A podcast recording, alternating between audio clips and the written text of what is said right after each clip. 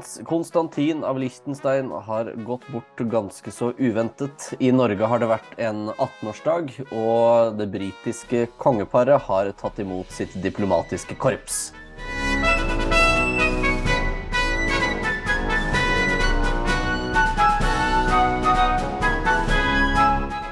Altfor tidlig på en fredag, så tidlig at det fortsatt er natt, mener både Tove Tollesen og jeg. Så sitter vi nå og spiller inn, Tove.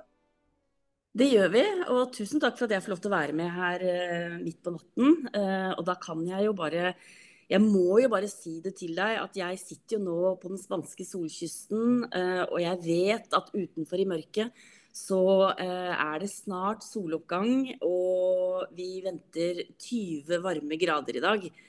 Uh, og det er jo litt uh, artig. Men du, da kan jeg også si en annen ting som jeg tror ikke du vet. Og det er jo ikke veldig mye jeg kan fortelle deg som du ikke vet allerede om kongestoff. Men rett borti nabolaget her så er jo uh, den tidligere eiendommen til den norske prinsessa fra Eidsfoss i hoff. Jeg vet ikke om du kjenner til henne. Det gjør du helt sikkert. Men det er jo prinsesse Kristine som giftet seg med, med, danske, nei, med svenske eh, Carl Bernadotte. Eh, og de hadde nemlig eiendom og bodde rett i nabolaget her. Og det er jo litt artig, så jeg er litt sånn på kongelig grunn. Ja, det er, med, det er, i kongelige omgivelser, rett og slett. Eh, så vil jeg bare til våre lyttere opplyse om at klokken er bare syv over syv, altså. Så det er ikke, ikke, det er ikke sånn natt som Tove og jeg skal ha det til, men vi er åpenbart uh, litt mer B-mennesker enn det vi liker å innrømme til, til det daglige. Så det er, kan hende det er litt sånn morgengrums i stemmen, at det blir et sånt lite host eller hark, men, men podkast blir det lell. Og det, det er det jo, viktigste. Ja, det er det aller viktigste. Så jeg, jeg takker for at du steppet inn på kort varsel, for å si det slik. Og det har, jo, det har jo skjedd litt. Vi får vel kanskje begynne med, med, med det tristeste. Og det er at uh, det lichtensteinske kongehuset de meldte 5.12. at uh, Eller de meldte 6.12. om at, uh, at hans høyvelbårenhet, prins Konstantin av Liechtenstein, hadde dødd uventet dagen i forveien. Ja, det er trist. Han var bare 51 år gammel. han Um, han har vært, uh, vært uh, styreleder for denne uh, i de siste tolv åra, mener jeg. For, for, denne kunstsamlingen og hva skal man kalle denne dette fondet, da, som, ja. som, er det, som det lichtensteinske kongehuset har. Som er en av verdens største og da mest verdifulle kunstsamlinger. For dette er jo et eldgammelt uh, fyrstehus. Uh, og han er jo da den yngre sønnen til den nå regjerende uh, fyrsten, da, Hans Adam den annen.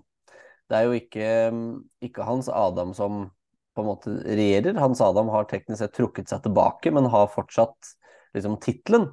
Men, men, det er den andre, andre sønnen, da, som jeg ikke kommer på navnet på nå i farta, som, som som er, kall det, regent da, på vegne av sin far.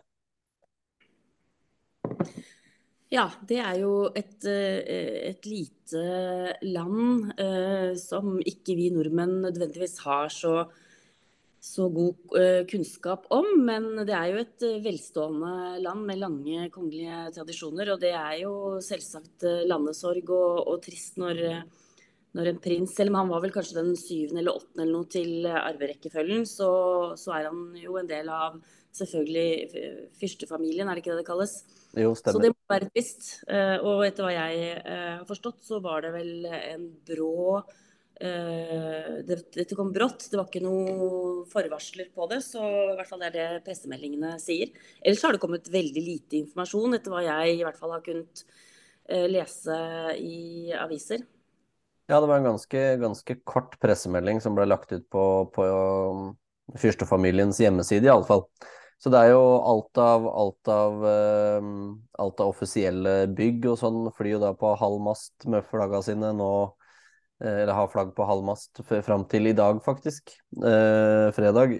Uh, og det har også blitt forespurt at alle private bygg også sørger over dødsfallet til til prins Konstantin. Så hvis, hvis, folk nå er litt sånn ekstra interessert i å, å lære litt mer om fyrstehuset Liechtenstein, som faktisk er det siste eh, Kall det kongedømmet som er igjen av det tysk-romerske keiserriket, eh, så har vi i Undersåttene en episode som ligger om, om fyrstehuset Liechtenstein. Som var en ganske, ganske interessant historie med en, en fyrste som hadde tre forskjellige regjeringstider. Så det er, eh, er bare å, å sette seg ned og lytte, for å si det sånn. Da tar jeg den helt personlig når du sier det. fordi at mitt neste spørsmål hadde nemlig vært eh, Jeg kan ikke så veldig mye om denne familien. Kan du raskt fortelle meg litt? Men da trenger du ikke det, for da kan jeg bare gå inn og lytte på den episoden.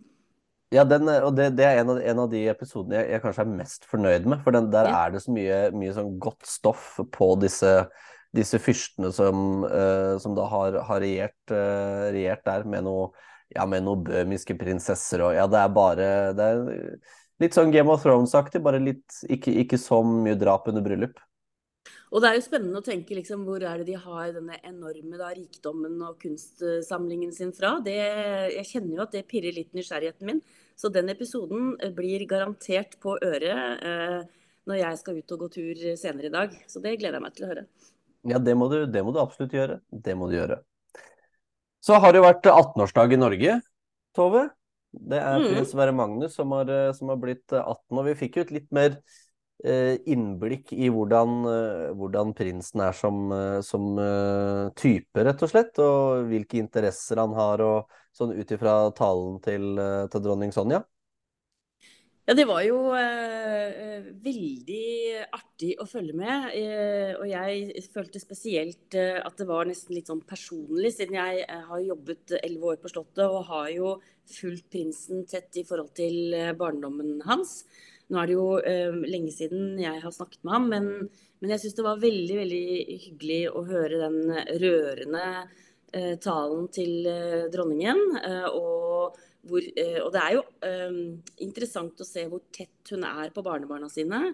Uh, selv i en veldig travel hverdag som, som kongeparet fortsatt har, og selvsagt barnebarna har, så klarer de å finne de små lommene i hverdagen da, til å bli kjent og være sammen. Og jeg tror jo mye av det går på at de har satt av tid til bl.a. de familieferiene hvert eneste år på sommeren.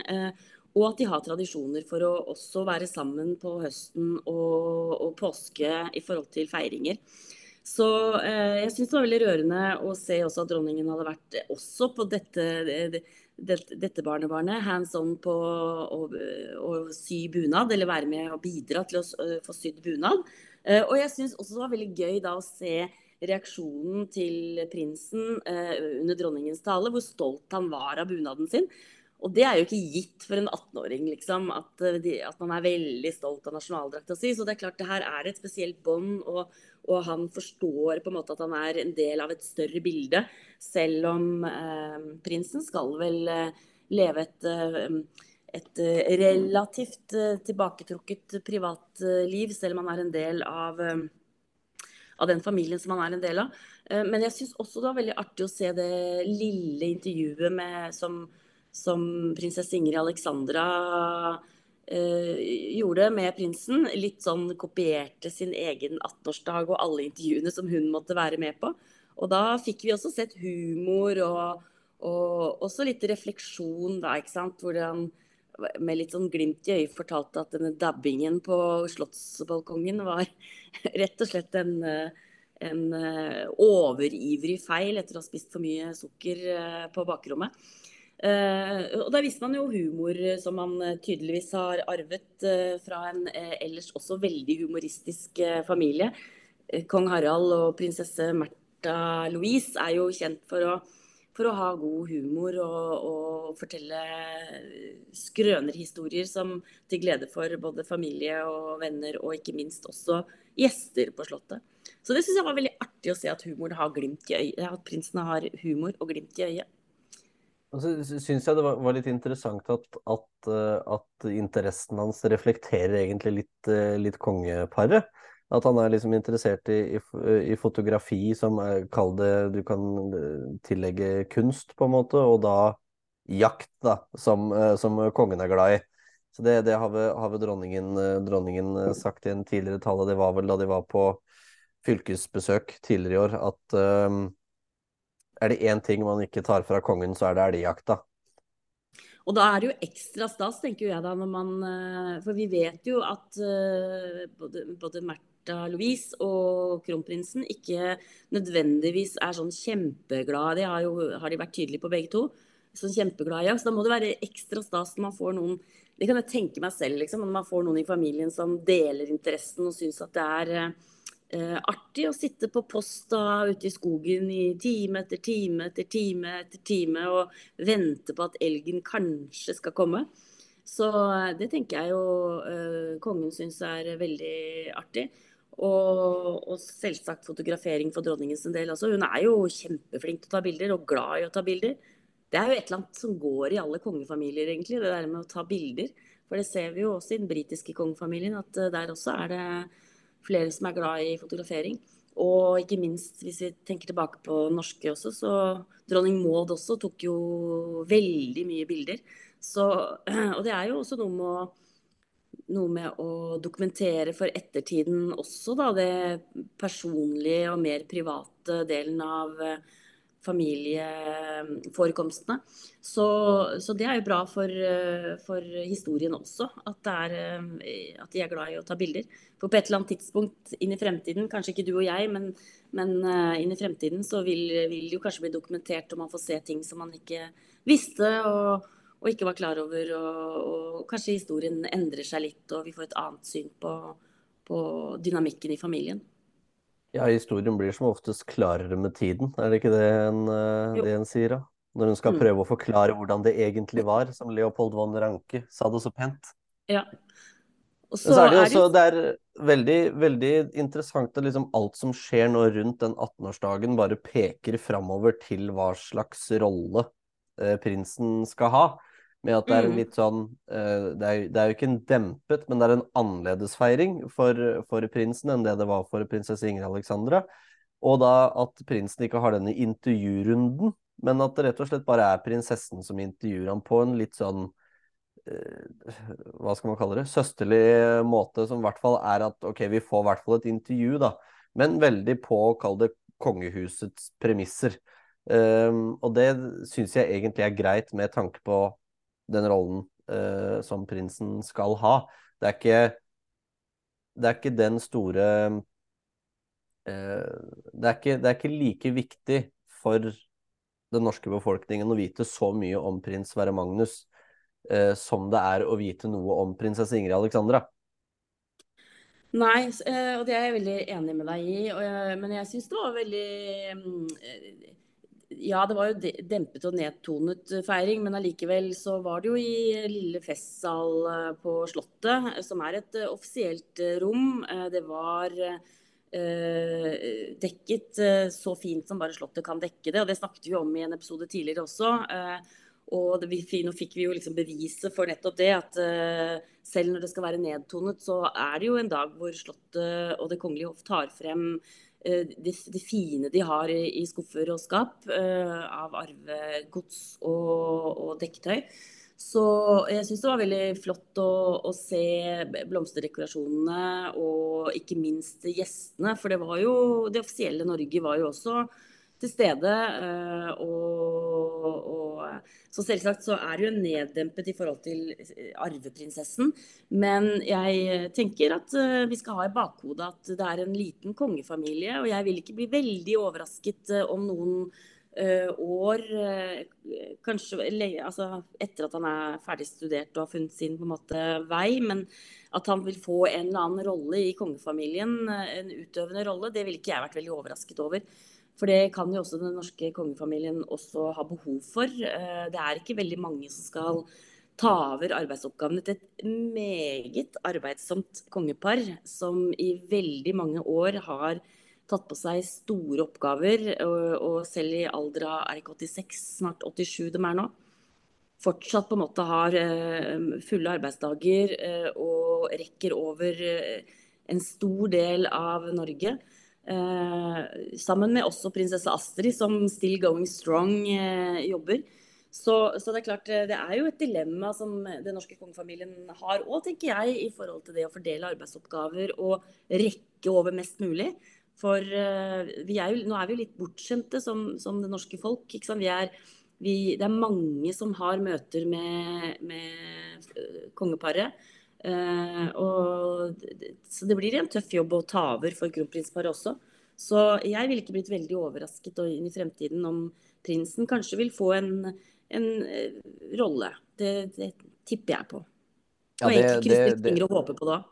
Ja, det tror nok jeg at det, at det, blir, at det blir, noe jobbing, men, men, at han ikke blir en, en, en full, fulltidsansatt, kall det, ved, ved, ved, ved hoffet.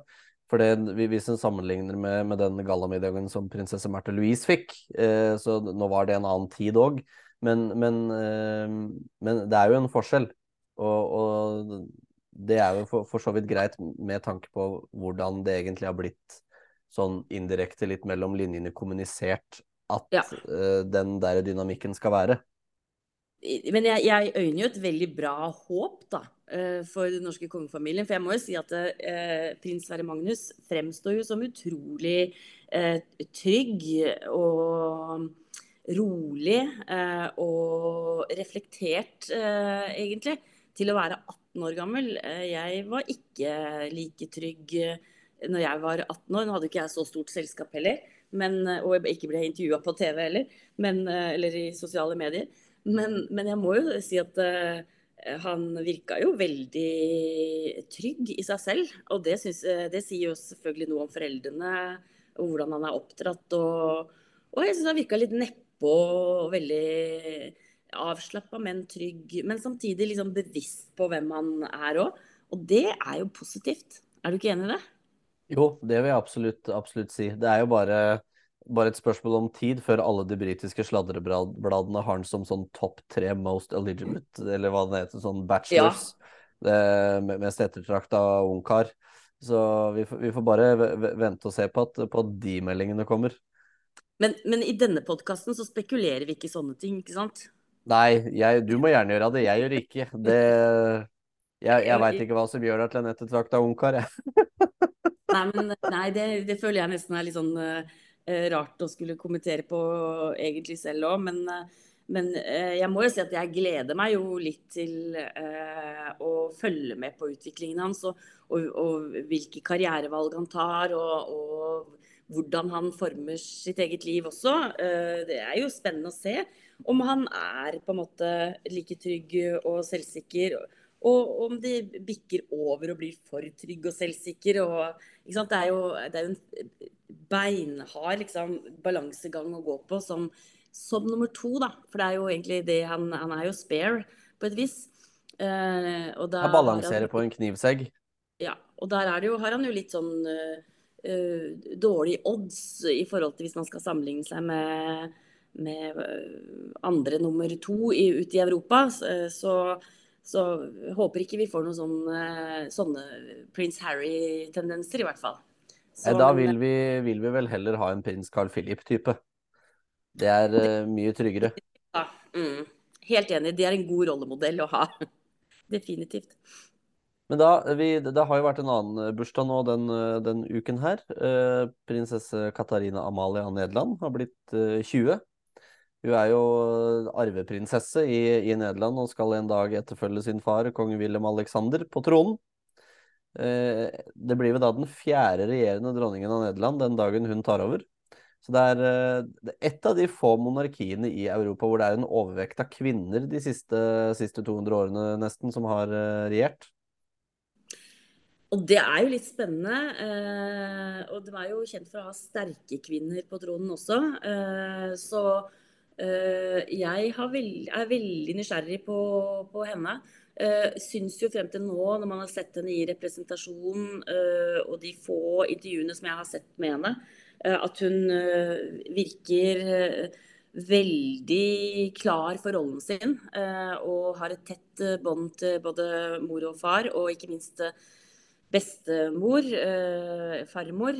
så jeg jeg har veldig tro på henne, og jeg gleder meg til sånn type ti år frem i tid, når man ser liksom alle de i Nederland, Danmark, eh, Sverige og Norge, og hvor liksom hvordan de på en måte også sammen da skal utføre rollen sin. Om de vil ha det samme kollegiale forholdet som, som foreldregenerasjonen og besteforeldregenerasjonen har hatt. For det er jo en annen tid de vokser opp i også, med enda mer påvirkning utenfra da, enn kanskje enn hva uh, spesielt besteforeldregenerasjonen og, og, foreldregenerasjonen har hatt. Så jeg er, jeg er, veldig spent på henne, men hun virker jo veldig uh, klar for rollen sin. Ja, da er det jo passende at i dag, eh, fredag 8. desember, så er det jo 60 år siden eh, dronning Wilhelmina ble gravlagt, faktisk. Mm. Så det, er, det har vært en uke spekket med historiske dager for, for Nederland. Mm. Men så skal vi en tur til Storbritannia, da. Det er jo ikke en podkastepisode av Undersåtten uten at vi stikker en liten tur over, over dammen. For der har det vært mottagelse for det diplomatiske korps. Og da skinner det jo både i ordens, uh, ordenskrasjaner og tiaraer, Tove. Og jeg elsker det, og jeg håper du kan love meg at hvis jeg skal få lov til å være med på en episode til, at eh, vi må snakke om det britiske kongehuset. Det er eh, Det fins ikke et kongehus med mer kongelig sirkus enn som så. Så det gleder meg veldig at vi har det på agendaen. Så det eh, er jo artig å se alt som glitrer, eh, og gallakjoler, eh, ordensbånd og, eh, og, medaljer. Eh, og det er jo britene ekstremt gode på. Og så var det jo første gangen vi, vi så de samla offisielt også etter eh, den nye sladreboka som vi snakket om i forrige episode kom ut, hvor det kom ganske eh, stygge anklager mot, mot familien. Og igjen så ser vi jo den derre 'keep calm, carry on', men samtidig så ser man jo også det derre hvordan de uh, teamfølelsen nesten bare Jeg syns nesten du understreket det vi snakket om forrige gang, som også er en episode jeg har lyst til å anbefale. Fordi da snakket vi jo veldig mye om dette med å å fortsette i arbeidet og det å stå sammen, og hva på en måte motstand utenfra gjør med, med familien. Så eh, de, de, rett og slett så syns jeg de var strålende sammen på den røde løperen. Og jeg er jo litt nysgjerrig eh, Vi skal sikkert eh, For du er jo så god på alt som har med ordensbånd og tiaraer og, og um, alt dette offisielle. Og, og, jeg hadde et spørsmål som jeg hadde veldig lyst til å spørre deg om. For jeg, jeg ser jo at uh, de kvinnelige medlemmene av den britiske kongefamilien går jo da med dette gule, denne gule portrettnålen med portrett av, av dronning Elisabeth. En nydelig altså Jeg vet ikke om det er, det er portrettnål, en sånn familie, familienål. eh, som de får fra den regjerende monarken. Eh, har du litt mer informasjon om den, og vet du om eh, det snart kommer en ny fra kong Charles? Det er jo på tide nå. Jeg vil jo anta at, at det snart kommer, kommer en fra, fra, kong Charles, men det er vel sikkert noe som tar litt tid å lage. For disse Dette er jo da, er jo da liksom kongehusets husorden. Det ser man jo mm. også på, på de norske kongelige, at det, de har disse husordenene til de monarkene de da, de da har kalt det møtt. Uh, så dronning Elisabeth hadde vel både George den femte, George den sjette ja, det er vel de to Ja, de, de tre. Og så, og så, hadde vel noen av disse søskenbarna hennes tre stykker, da. Eh, fordi ja. at det var Georgian George 5., George 6. og dronning Elisabeth en annen. så, og det, det, er noe som eh, bare gis til, til kvinnene i, eh, i, kongehuset. I hvert fall denne veldig vakre, vakre kall det, ja. Eh, hva man skal kalle ordenstegnet. Mm. så de, disse er jo gjerne diamantbesatt, og det som er bare for å liksom fremheve pumpen og prakten ved det, da. Og det, det er jo en ting som jeg har lagt merke til nå i det siste, også, apropos diamanter og sånn, er det at kong Charles bruker jo disse forgylte uh, ordensstjernene, det som på pent heter en krasjan. Liksom, det er uh, Bath-ordenen, Tistelordenen og Hosebåndsordenen er vel de tre som oftest brukes. Uh, og da et, sånt kjede, kall det, eller et bånd rundt halsen, som er da en diamantbesatt uh, stor, stormesterstegn for Bath-ordenen. Så det er jo bare diamanter og glitter og stas i en masse uh, når, uh, når, kong Charles pynter seg litt. Ja, og det, og det, liker vi jo. Uh, få det frem. Det er jo ingen grunn til at det skal ligge innerst inne i et hvelv gjemt bort. Jeg tenker at dette er jo arveskatter, så få det, få det ut. Og jeg, gleder meg veldig til å se den, den til portrett, eller den familieorden til kong Charles. fordi at det er jo, Hvis ikke jeg har skjønt det feil, så er det jo sånn at eh, hvis du har, når du har fått den, så skal du bruke den eh, selv om du har fått en ny. Sånn at da når eh, Da kommer vi til å se da dronning Camilla da med både dronning Elisabeth sin og kong, kong Charles sin. Og, og jeg syns jo det er spennende å se liksom hvilke farger velger man på dette båndet som den henger på. ikke sant, og Eh, jeg har lest at man gjetter på at det kanskje blir lys, altså grønt i forhold til kong Charles sitt uh, veldig sterke engasjement i veldig veldig mange år for uh, miljø. Uh, og da var det et annet sladreblad som sa at det vil jo ikke prins William bli så happy for, for at han også har jo et like sterkt engasjement. Men, så det, det er veldig spennende å se hva vi kongehusreportere klarer å lage konflikter ut av. Men det blir i hvert fall kjempespennende å se også hvordan, eh, hvordan det portrettet er utformet eh, også. For etter hva jeg leste i går, så er vel eh, de eldste er vel laget på porselen, tegnet på porselen, forsto jeg. Mens eh, det av dronning Elisabeth var på eh, glass, hvis ikke jeg forsto feil. Og det er jo også interessant å se i forhold til For det også er noe med historien, liksom, hvordan teknologien utvikler seg, og som At det også blir tatt inn i det med smykker. At det ikke bare er den tradisjonelle måten å gjøre ting på, men at man faktisk utnytter dagens teknologi da, til å få ting som varer kanskje enda lenger inn i fremtiden. Så det, det syns jeg var veldig spennende å se. Men det var jo mye fint å se i den den diplomatic reception, da. Eh, det er jo, ja. det er jo storslagent når Buckingham Palace inviterer til gjester. Vi har jo noe lignende i Norge også. Uh, hvor, hvor ja, det er vel en lunsj for det diplomatiske korpset i Norge som da holdes i daglig spisesal, ja. hvor, hvor, kongen inviterer. Og det er vel Er ikke det nå i desember at det pleier å, pleier å foregå, jo. eller blander jeg nå?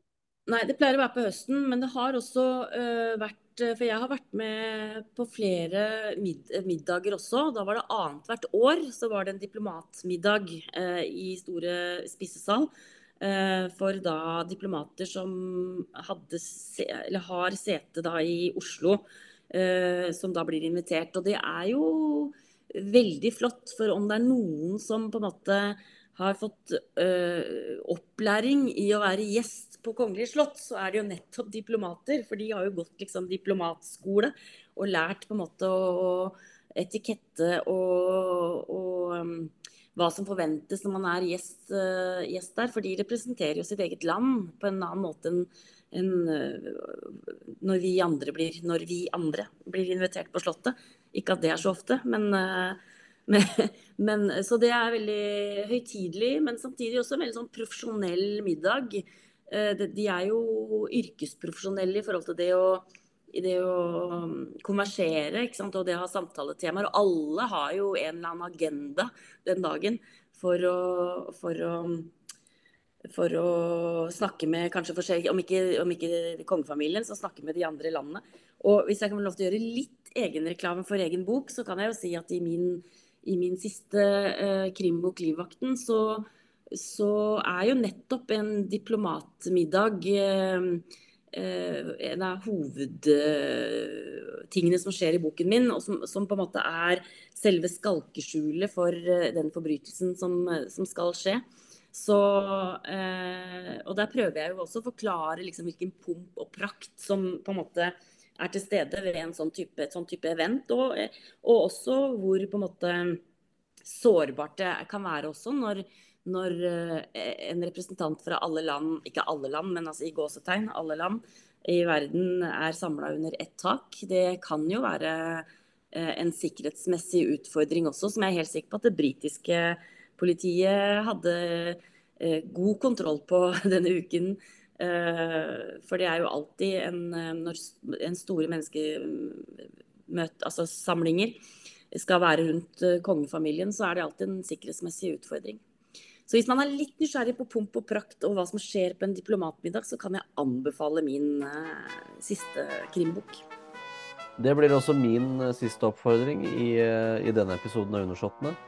ta opp boka til, til Tove, eller bøkene, faktisk. Det er jo to nå, 'Dronningen og livvakten'. og les, les dem. Vel å nevne etter at du har lyttet til Undersåttene.